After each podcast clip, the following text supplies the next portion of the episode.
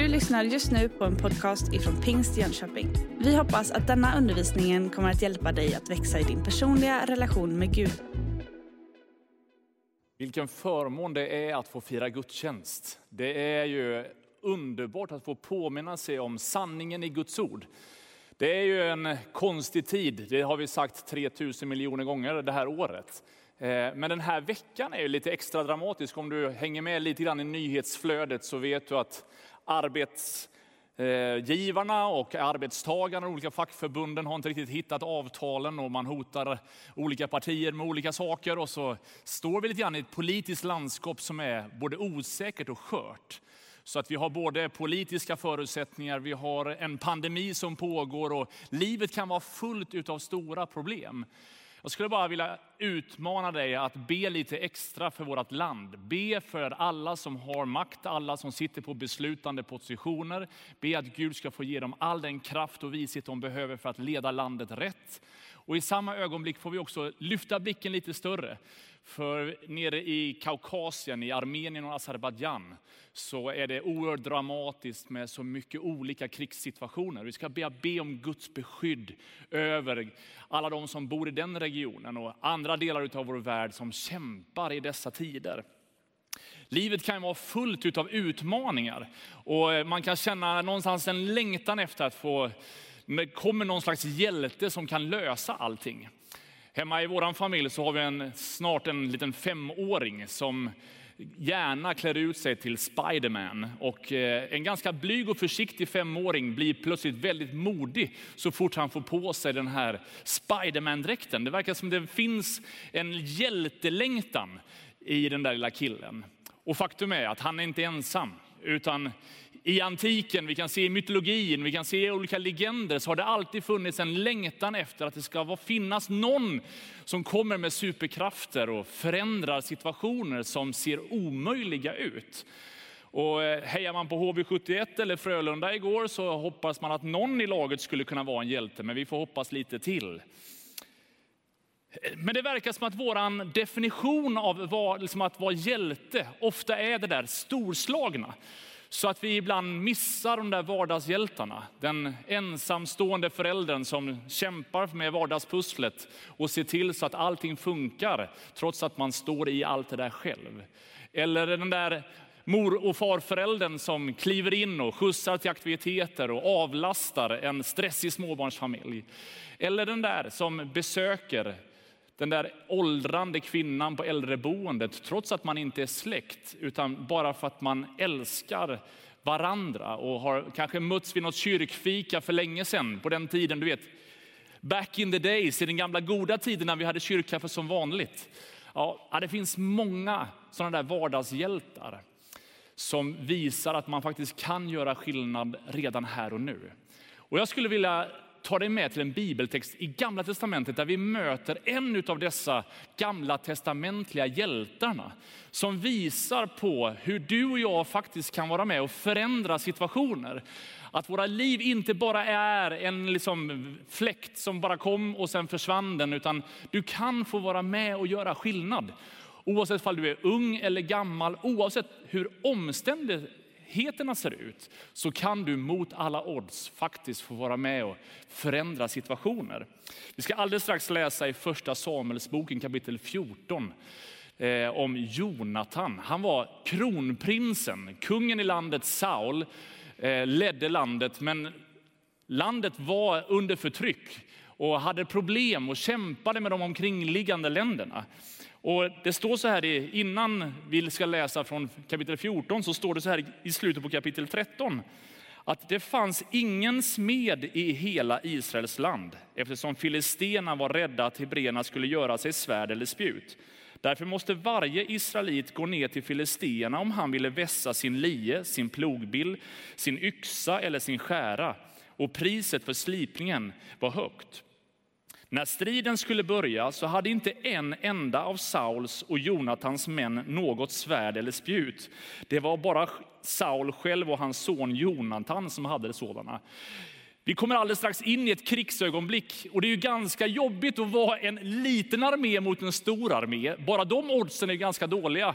Men det blir ju ännu sämre förutsättningar när man läser den här texten och fattar att de inte ens har vapen i sina händer. Det är bara två stycken som har svärd och de har inte råd att betala för att få sina spjut slipade. Förutsättningarna är ju milt sagt värdelösa för att någonstans få vara med och vinna seger och befrielse. Och än en gång vill jag bara tala in i ditt och mitt liv för att vi är i en orolig politisk tid, vi är i en pandemi, vi har så många omständigheter som skulle kunna vara oss övermäktiga. Vi känner att vi har inte ens resurserna för att kunna möta hälften av det här så finns det ett evangelium som talar liv in i det som i andras ögon ingenting är. Och här möter bibeltexten oss. Och nu får du gärna ta fram din bibel och läsa ett ganska långt bibelsammanhang tillsammans med mig från första Samuelsboken kapitel 14. Och här möter vi då eh, Jonatan, kronprinsen i landet. Han sa till sin väpnare, kom så går vi över till Filistenas förpost där på andra sidan. Men detta talade han inte om för sin far. Saul befann sig då vid Gibeas gräns under granatträdet i Migron och folket som var med honom utgjorde omkring 600 man. Ahia, son till Ahitub. Det är väldigt fantastiska namn här. Om du är liksom gravid och undrar vad du ska kalla dina barn så har du många tips här. Eh, han var bror till Ikabod och son till Pinehahas, son till Eli, Herrens präst i Kilo och bar då efoden. Och folket visste inte att Jonatan hade gett sig av. Men i passet där Jonatan försökte gå över för att komma till Filistenas förpost fanns en klippa på vardera sidan. Den ena hette Boses och den andra hette Sene. Den ena klippan reste sig mitt emot Mittmas och den andra i söder mitt emot Geba. Jonatan sa till sin väpnare, kom vi går över till de där oomskurnas förpost. Kanske kommer Herren att göra något för oss, för ingenting hindrar Herren att ge seger genom några få, likväl som genom många. Hans väpnare svarade, gör allt du har i sinnet. Går du? Jag följer dig vart du vill. Då sa Jonatan, bra, vi ska gå till männen där och visa oss för dem. Om de säger till oss, stå stilla tills vi kommer fram till er, då ska vi stanna där och inte klättra upp till dem. Men om de säger, kom hit till oss, då ska vi gå upp dit, för då har Herren gett dem i vår hand. Detta ska vara tecknet för oss. När båda två nu blev synliga för filistenas förpost sa filisterna, se hebreerna kryper fram ur hålorna där de har gömt sig. Förpostens manskap ropade till Jonatan och hans väpnare, kom upp till oss så ska vi lära er.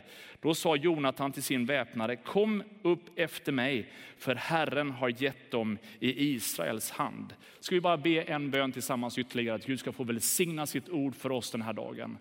Herre, jag tackar dig för förmånen att få fira gudstjänst, påminna oss om vem du är och tanka på i vår ande och vår själ kring din närvaro, Herre. Tack för att din ande är nära oavsett vart vi är när vi är med på den här gudstjänsten. Om det så är i bilen, på en promenad i skogen eller hemma i vardagsrummet.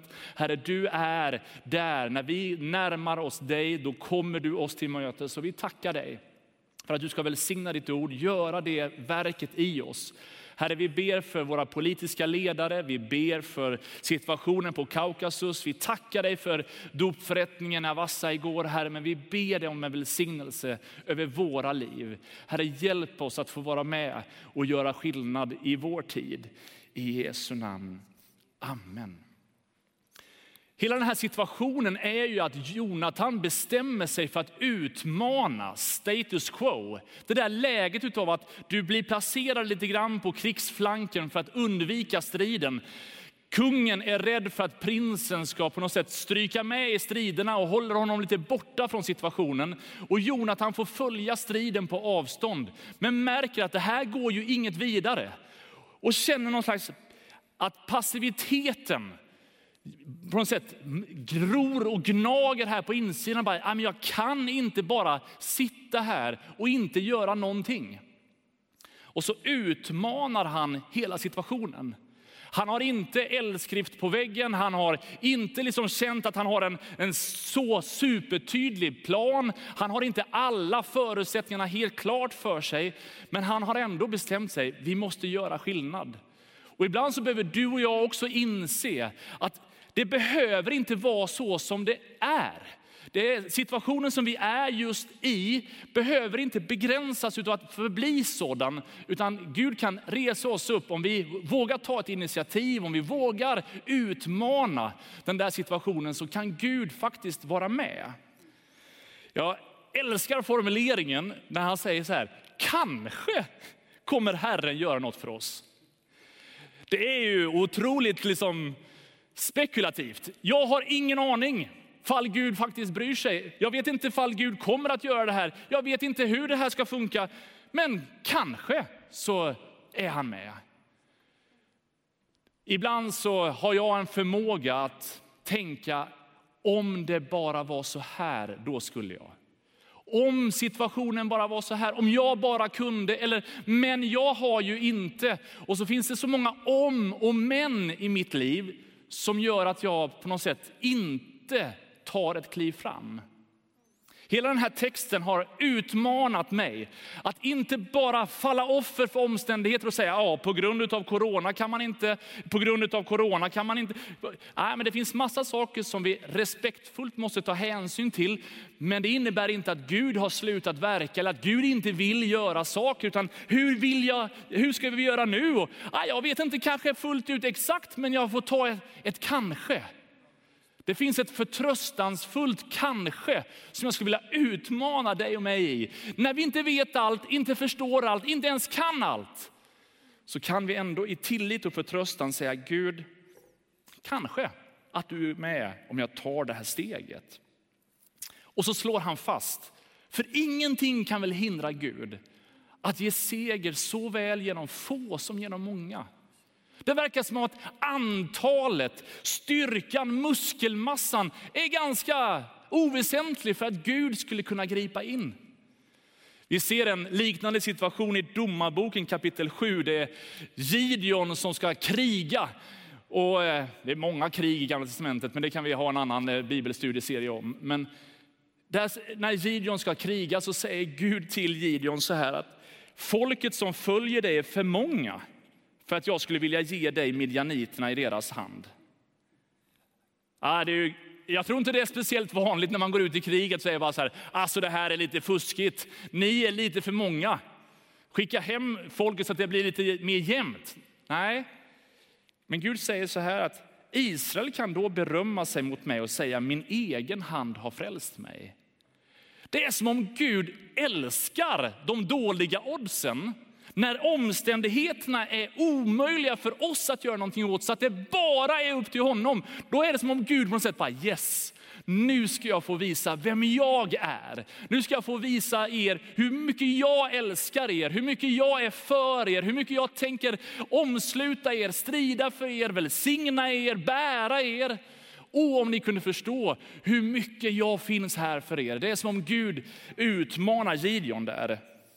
Han börjar med att ha 32, 32 000 personer i sin armé när Gud säger det här. Och då säger Gideon till sina soldater att alla ni som är lite rädda och ängsliga, ni kan gå hem nu. Och då går 22 000 hem. Så 32 000 blir 10 000. Man bara så här, oh, det, nu, det var liksom mer än en tredjedel som försvann här. Men Gud säger fortfarande, ni är för många. Och så tar han dem ett varv till och 10 000 blir 300. Och de där 300 blir tre grupper. Helt plötsligt ser det som att, vänta nu, nu är det helt omöjliga odds. Nu är det, vi, liksom det är så enormt stor skillnad på våra förutsättningar och fiendearméns. Och Gud säger bara, okej okay, nu, nu ska jag visa vem jag är. Och så tar Gideon med sig sina soldater, de delar in sig i de här grupperna och så har de facklor med en kruka runt. Så man ser inte facklan innanför krukan.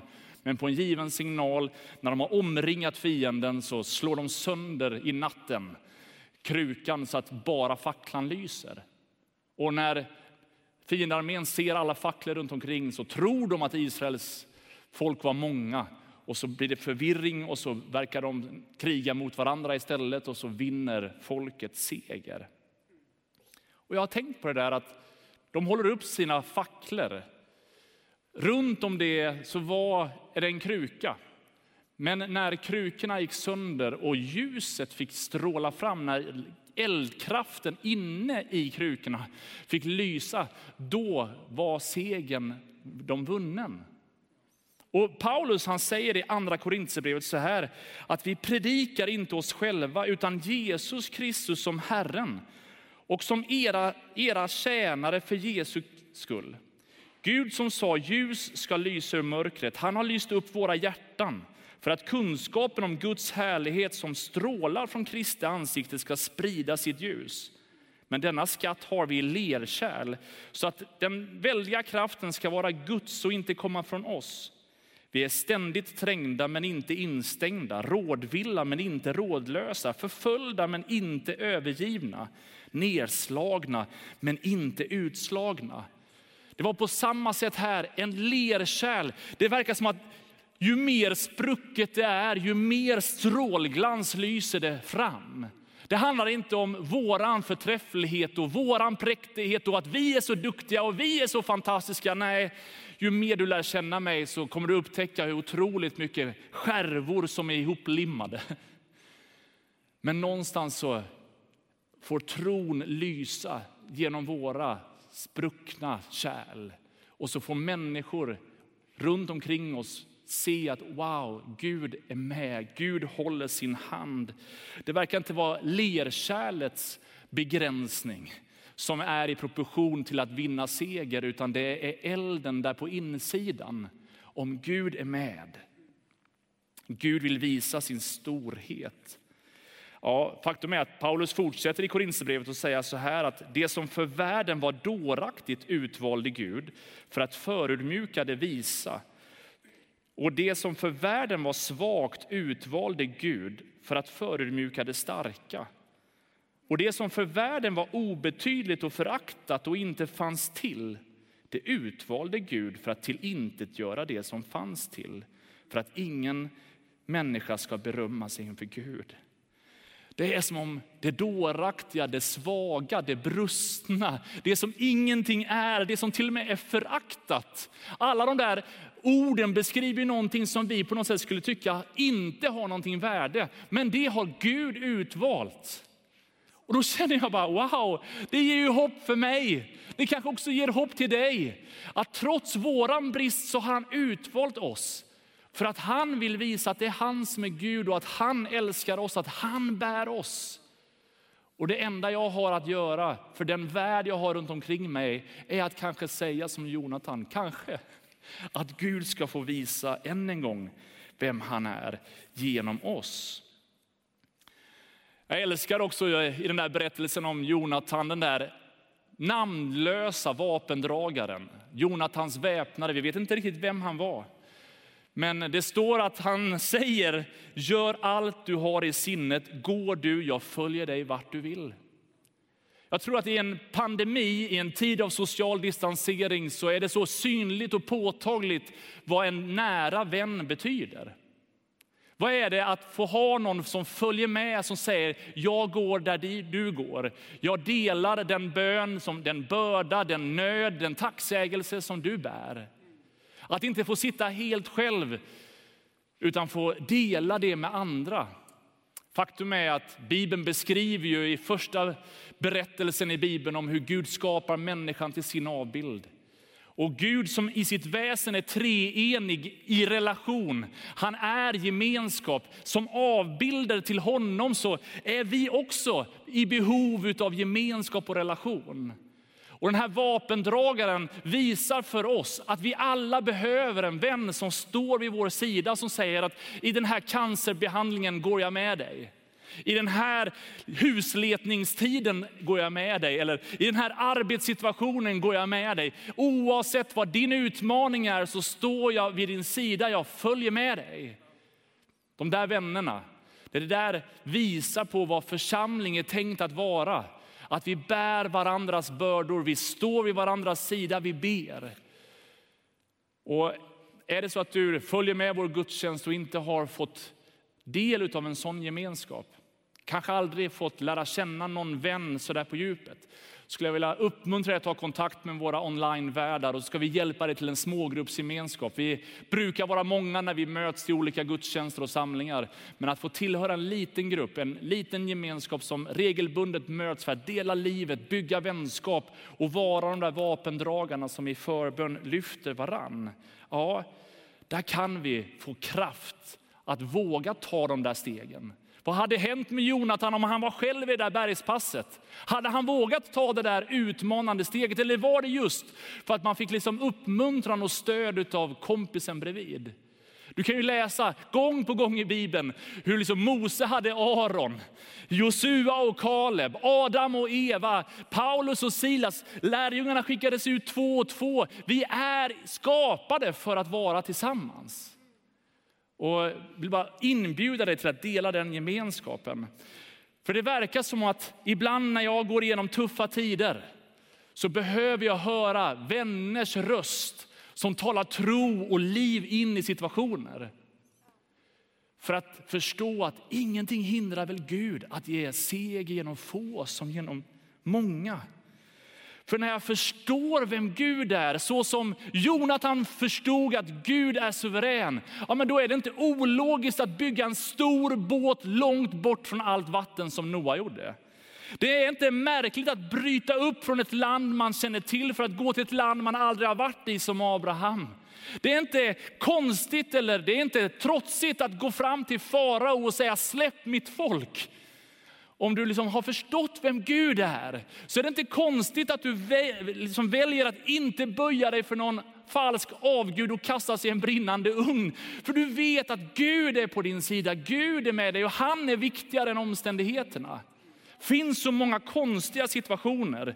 Men åh, om vi kunde förstå att han som är i oss är större än han som är i världen. Han som bor i ditt och mitt hjärta är större än den sjukdomsdiagnos som du nu har fått över ditt liv. Gud är större i dig än vad vilken arbetsmarknadskonjunktur liksom vi än befinner oss i. Han som är i dig är större än det politiska läget. Han som är i dig har lovat att alltid vara med dig. Tänk om du och jag kunde förstå mer vem han är.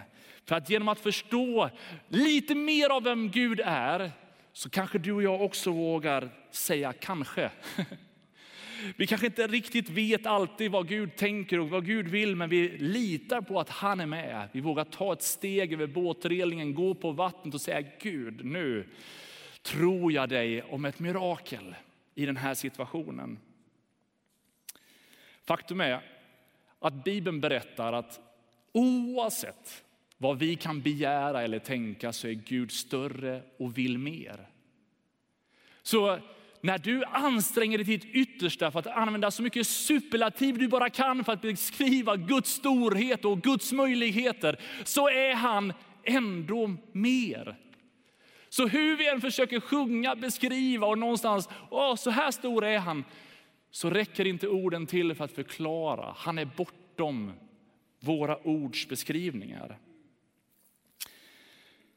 I den här texten så mötte vi en kronprins som var beredd att utmana status quo. Utmana den där situationen där omständigheterna talar emot.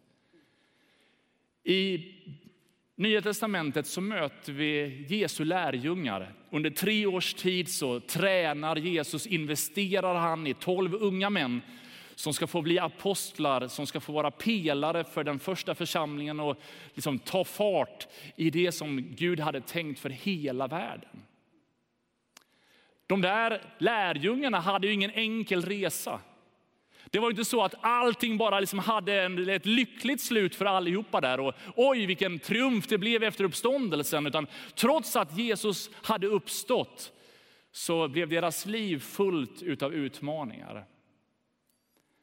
I Johannes evangeliet så förstår vi den här lite våndan som lärjungarna kände kring vad kommer hända med honom, vad kommer hända med honom. Och vi lär oss i bibeltexten där att inte jämföra oss med någon annan utan att någonstans bara vara trogen i våra liv. Aposteln Johannes han hade många kompisar som han hade delat livet nära. Men eh, Petrus, han eh, blev enligt traditionen avrättad under kejsar Neros förföljelse, korsfäst upp och ner. Andreas, han blev också avrättad, troligtvis i Grekland. Jakob, Seidaeos son, han avrättades av Herodes Agrippa och det kan vi läsa om i Apostlagärningarna 12. Väldigt mycket av de andra sakerna får vi lita till andra historiska källor och hur på något sätt, kyrkohistorien har beskrivit händelserna. Filippos, han avrättades i staden i Hierapolis i Turkiet. Bartolomeus, han avrättades i Armenien. Matteus blev martyr. Jakob och Tedaios vet vi inte så mycket om, men Simon Siloten predikade i västra Afrika för att avrättas där. Mattias, som valdes som lärjunge efter Judas, stenades till döds. Barnabas brändes levande till döds. Jakob, Jesu bror, lynchades och klubbades ihjäl av de judiska ledarna. Paulus blev avrättad. År 50 var det stora oroligheter i Jerusalem och man räknar med 20-30 000 judar som fick ge sitt liv. Och 20 år senare så ödeläggs hela Jerusalem och över en miljon judar dödas och hundratusentals människor tillfångatogs. Och bara ett tiotal år efter Jerusalems förstörelse så drar kejsaren i Rom ut och begår ännu mer förföljelse kring alla dessa kristna. Man skulle kunna tänka sig att Johannes, när han i slutet av sitt liv ensam är kvar, skulle på något sätt sucka djupt över all tragik som han var omsluten av. Titta här hur det gick med alla mina kompisar, alla som har gett allt för evangeliet, alla här, det har gått hur dåligt som helst. Man skulle kunna möta en bitter, besviken person som nu har blivit landsförvisad och i förvar på en fängelseö på Patmos. Och ändå är det han som skriver Bibelns sista bok och målar ut det himmelska hoppet och talar om en Gud som står över alla omständigheter, som kommer att få sista ordet. Och att vara hjälte kan vi vara här och nu, men det behöver inte innebära ett lyckligt slut i hela berättelsen. På den här sidan evigheten, det finns en kamp, ett lidande, en utmaning med allt det onda, men en dag ska det få ett slut. Bibeln berättar att Jesus sitter på tronen. Uppenbarelseboken säger, jag är A och O, han som är och var och som kommer, den allsmäktige. Och så fortsätter aposteln att se in i evigheten och talar om dessa, denna stora skara som ingen kunde räkna. Och talar om att där står det massor med människor och han undrar vart kommer alla de här ifrån? Och så kommer svaret, det är de som kommer ur den stora nöden. De har tvättat sina kläder och gjort dem vita i Lammets blod. Därför står de inför Guds tron och tjänar honom dag och natt i hans tempel. Och han som sitter på tronen ska slå upp sitt tält över dem. De ska aldrig mer hungra och aldrig mer törsta och varken solen eller någon annan hetta ska drabba dem. För lammet mitt på tronen ska vara deras herde. Han ska leda dem till livets vattenkällor och Gud ska torka alla tårar från deras ögon. Ja, Paulus han skriver, vad ska vi nu säga om detta? Om Gud är för oss, vem kan då vara emot oss? Och jag skulle vilja tala till dig som följer den här gudstjänsten just nu. Oavsett vad du möter, oavsett omständigheter och situationer och vad som händer med alla andra. Om Gud är för oss så kan ingenting vara emot oss. Och till och med landsförvisad i ett förvar på en öde ö där alla vänner har fått gett sina liv så påminner Johannes oss om att ha blicken längre, högre än omständigheterna. Om jag har förstått vem Gud är, om jag vet vad himlen innebär, vad evigheten innebär, ja, då är den situation jag nu står i inte den som ska få sista ordet med mitt liv.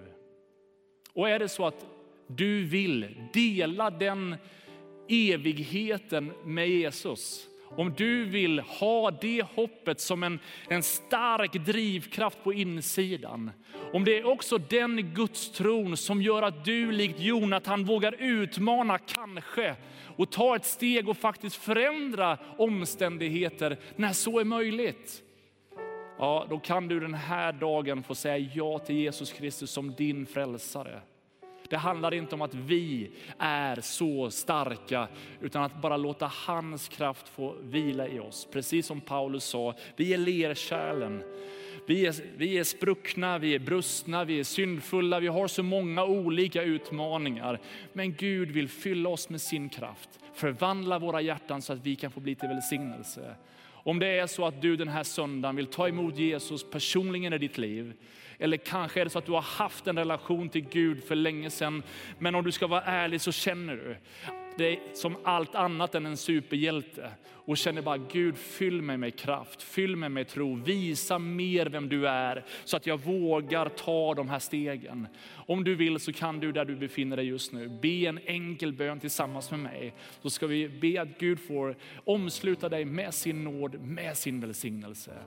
Jesus, jag tackar dig för förmånen att få lägga våra liv i dina allsmäktiga händer. Jag tackar dig Jesus för löftet om att du är med oss och att då ingenting kan vara emot oss. Och jag tackar dig för att när du är i oss, Herre, så är det större än allting annat. Herre, jag tackar dig för hoppet om himlen och evigheten. Jag tackar dig Jesus för att det inte är slut på den här sidan, utan jag tackar dig Gud för att du har en härlig fortsättning för alla de som i tro sträcker sig efter dig. Och Herre, jag ber dig Herre att du skulle ge oss kraften och du skulle be oss visheten och modet att våga göra det vi ska i det liv som vi lever, Herre. Herre, låt oss få vara vardagshjältar för människor som vi har runt omkring oss. Jag ber för familjer, jag ber dig för grannar, arbetskamrater, människor vi möter i olika situationer. Herre, låt ditt ljus lysa genom våra hjärtan, Herre. Herre, låt fler människor få se vem du är, liksom fascineras av din storhet. Herre, jag vill be för den som inte har så mycket vänner. Herre, jag vill be dig att församlingsgemenskap skulle få bli det som du har tänkt den till.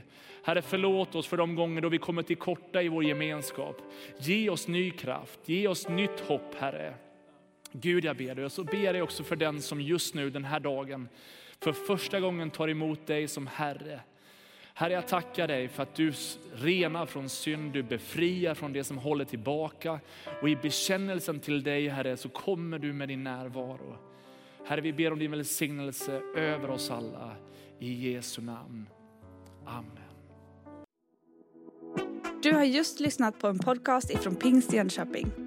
För att få reda på mer om vilka vi är och vad som händer i vår kyrka så kan du gå in på pingstjonkoping.se eller följa oss på sociala medier via pingstjkpg.